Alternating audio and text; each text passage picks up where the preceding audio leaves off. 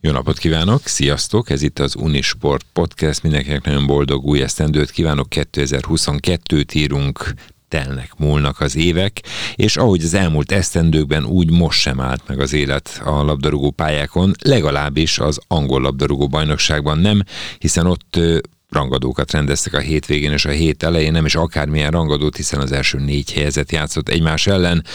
Volt Akinát látta, az emlékszik egy Arsenal Manchester City összecsapás, illetve azt követően a Chelsea Liverpool találkozó.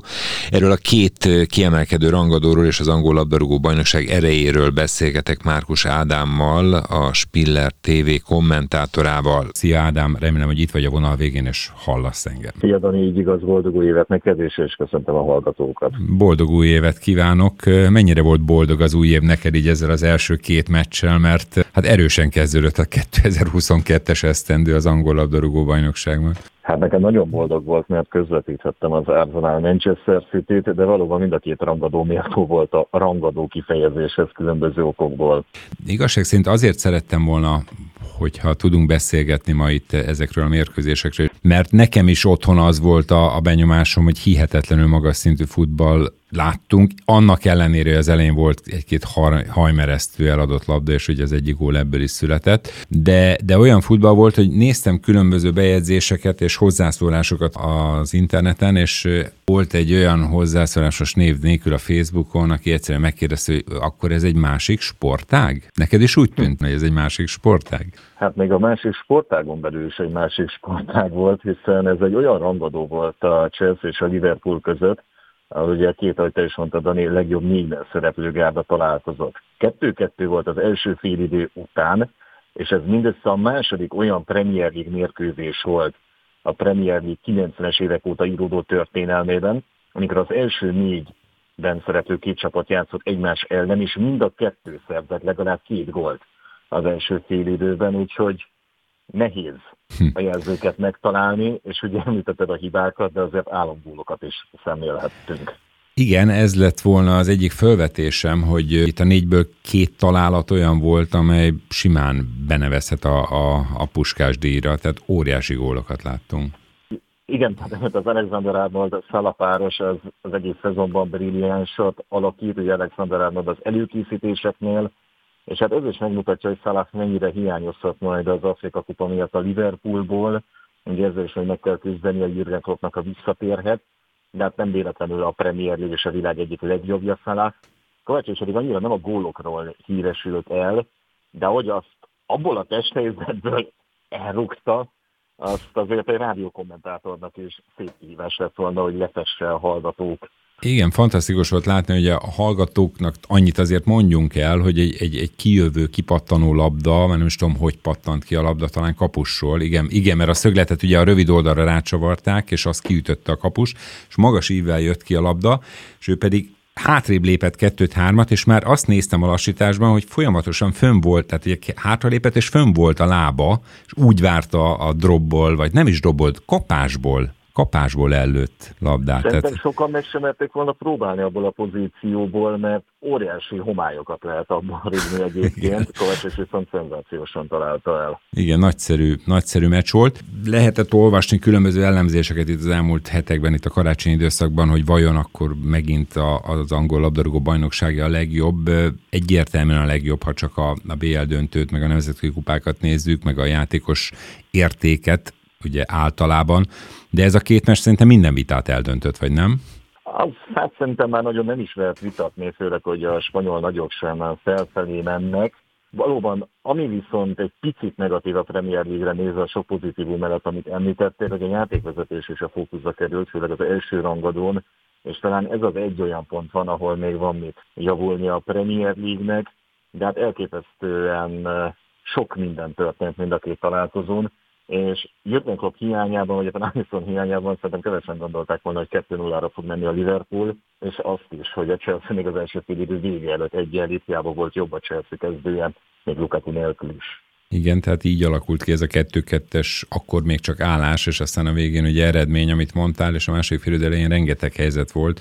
Inkább egyébként a, a poolnak volt nagy helyzete, annak ellenére, hogy a legnagyobbat a kékek hagyták ki, hogyha jól emlékszem. Mondtad a pool helyzeteket, Dani, és hát nem csak Salah fog hiányozni az afrikai nemzetek kupája miatt, hanem a Chelsea kapusa Eduard Mendy is, úgyhogy azért Tuchel előtt is lesz feladvány. Említetted már, ugye, hogy te közvetítetted az Arsenal City összecsapást. Az egy más fajta mérkőzés volt, szintén magas színvonalú, talán nem ennyire magas színvonalú, de lehet a fiatalság rovására írni, hogy az Arsenal majd, hogy nem egy megnyert meccset kiengedett a kezéből? Az Arsenal felnőtt a feladathoz, és ez korábban nem sikerült a Manchester City ellen. Pierre-Emerick Aubameyangot tette parkolópályára az edző, aki az Arsenal sztárjátékosa korábbi házi gól királya, és élnek az eséllyel a fiatalok, ugye a legfiatalabb átlag életkorú kezdőcsapat az Arsenal. Fiatal angolok is vannak, mint például Bukayo Saki, 2022 első gólját szerezte. Tehát azért azt még lehet mondani, hogy ez egy hosszú távú projekt, és fejlődő pályában az együttes, de bizonyos dolgokat nem visel el, nem tud e, kihordani.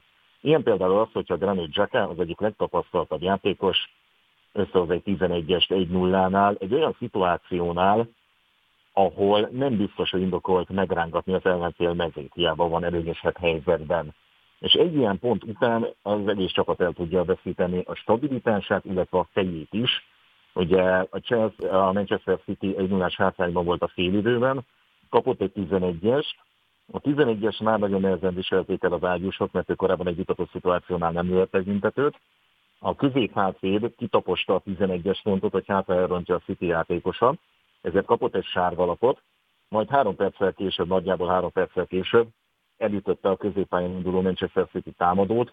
Az egy jogos szabálytalanság volt, mert ez viccerbe került volna az ellenfél, de ő megkapta a második sárgalapját, és emberhátrányba került az Arsenal. Viszont, hogyha nincs ilyen felfokozott idegállapotban a csapat, akkor lehet, hogy mondjuk nem csinálja a látványosan a 11-es pont kitaposását, és lehet még mondani sok ilyen apró dolgot, ahol még higgadtabbnak kell maradni az Arsenalnak, de az irány nem rossz, hogy ott sem ülhetett a vezetőedző a padon, hiszen Nikel Átétának is volt egy korona, pozitív koronavírus tesztje.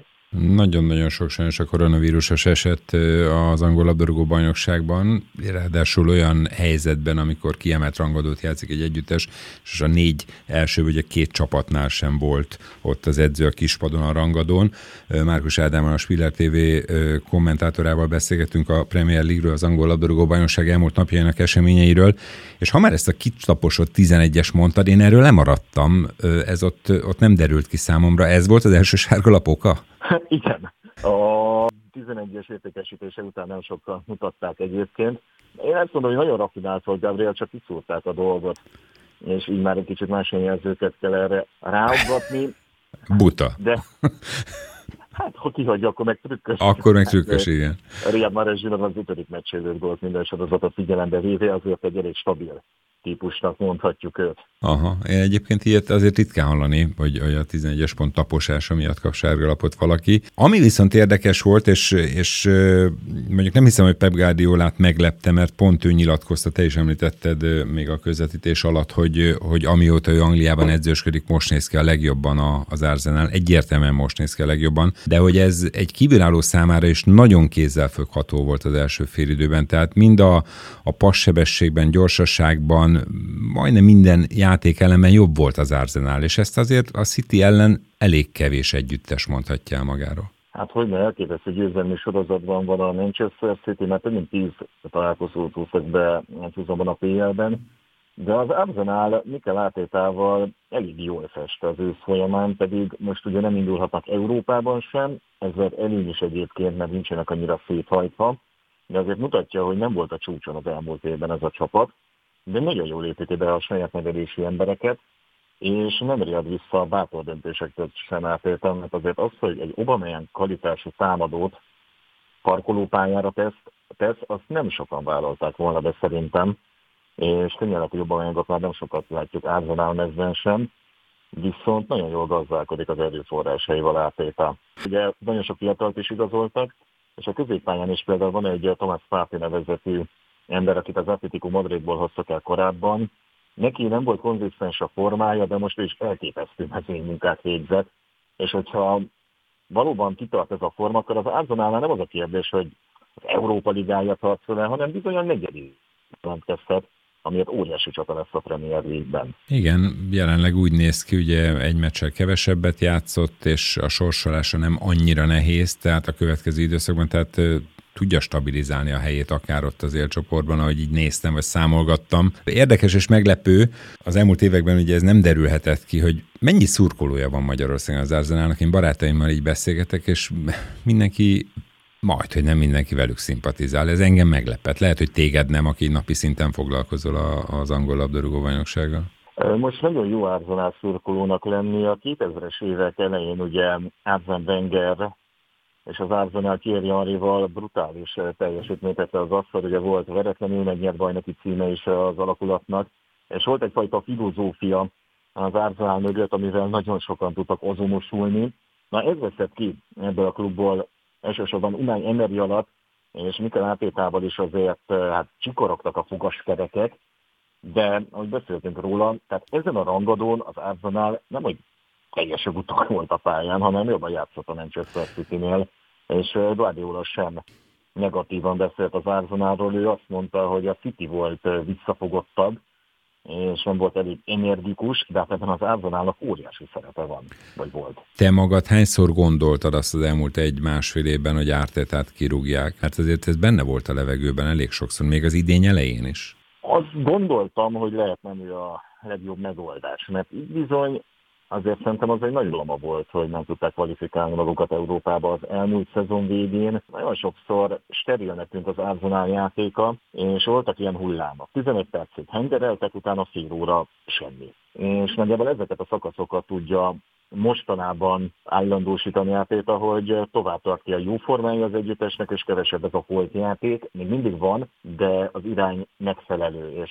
Tényleg az Arsenalban az a szenzációs, hogy senki sem várt ezt tőlük szerintem, és egy utaltál rá, Péter azért volt olyan pillanat, amikor úgy tűnt nagy akabát, de ő él az esélyével, és mondjuk nem történt fel az, mint Oleg Vasszúsára a Manchester Unitednél, aki talán még Átétánál is nagyobb bizalmat kapott, viszont nem az látszódott, hogy fejlődő pályán lenne a csapat. Köszönöm szépen, hogy egy kicsit így eszmét cserélhettünk az elmúlt napok eseményeiről, meg a belga válogatott gyöngyszeméről, Lukakuról. Aztán Én köszönöm Dani a lehetőséget. Hallgatunk, majd megnézzük tovább a mérkőzéseket. Szia Ádám, szia! Azoni Sport podcastet hallgattátok, Márkus Ádámmal, a Spiller TV labdarúgó kommentátorával beszélgettem az elmúlt percekben az elmúlt napok talán legfontosabb eseményeiről, hiszen két kiemelkedő rangadót rendeztek a Premier League-ben, az angol labdarúgó bajnokságban. Jelentkezünk majd ilyen angol foci összefoglalókkal a következő hónapokban az Unisport podcasten. Tartsatok velünk, olvassatok, hallgassatok bennünket. Mezei Dániel vagyok.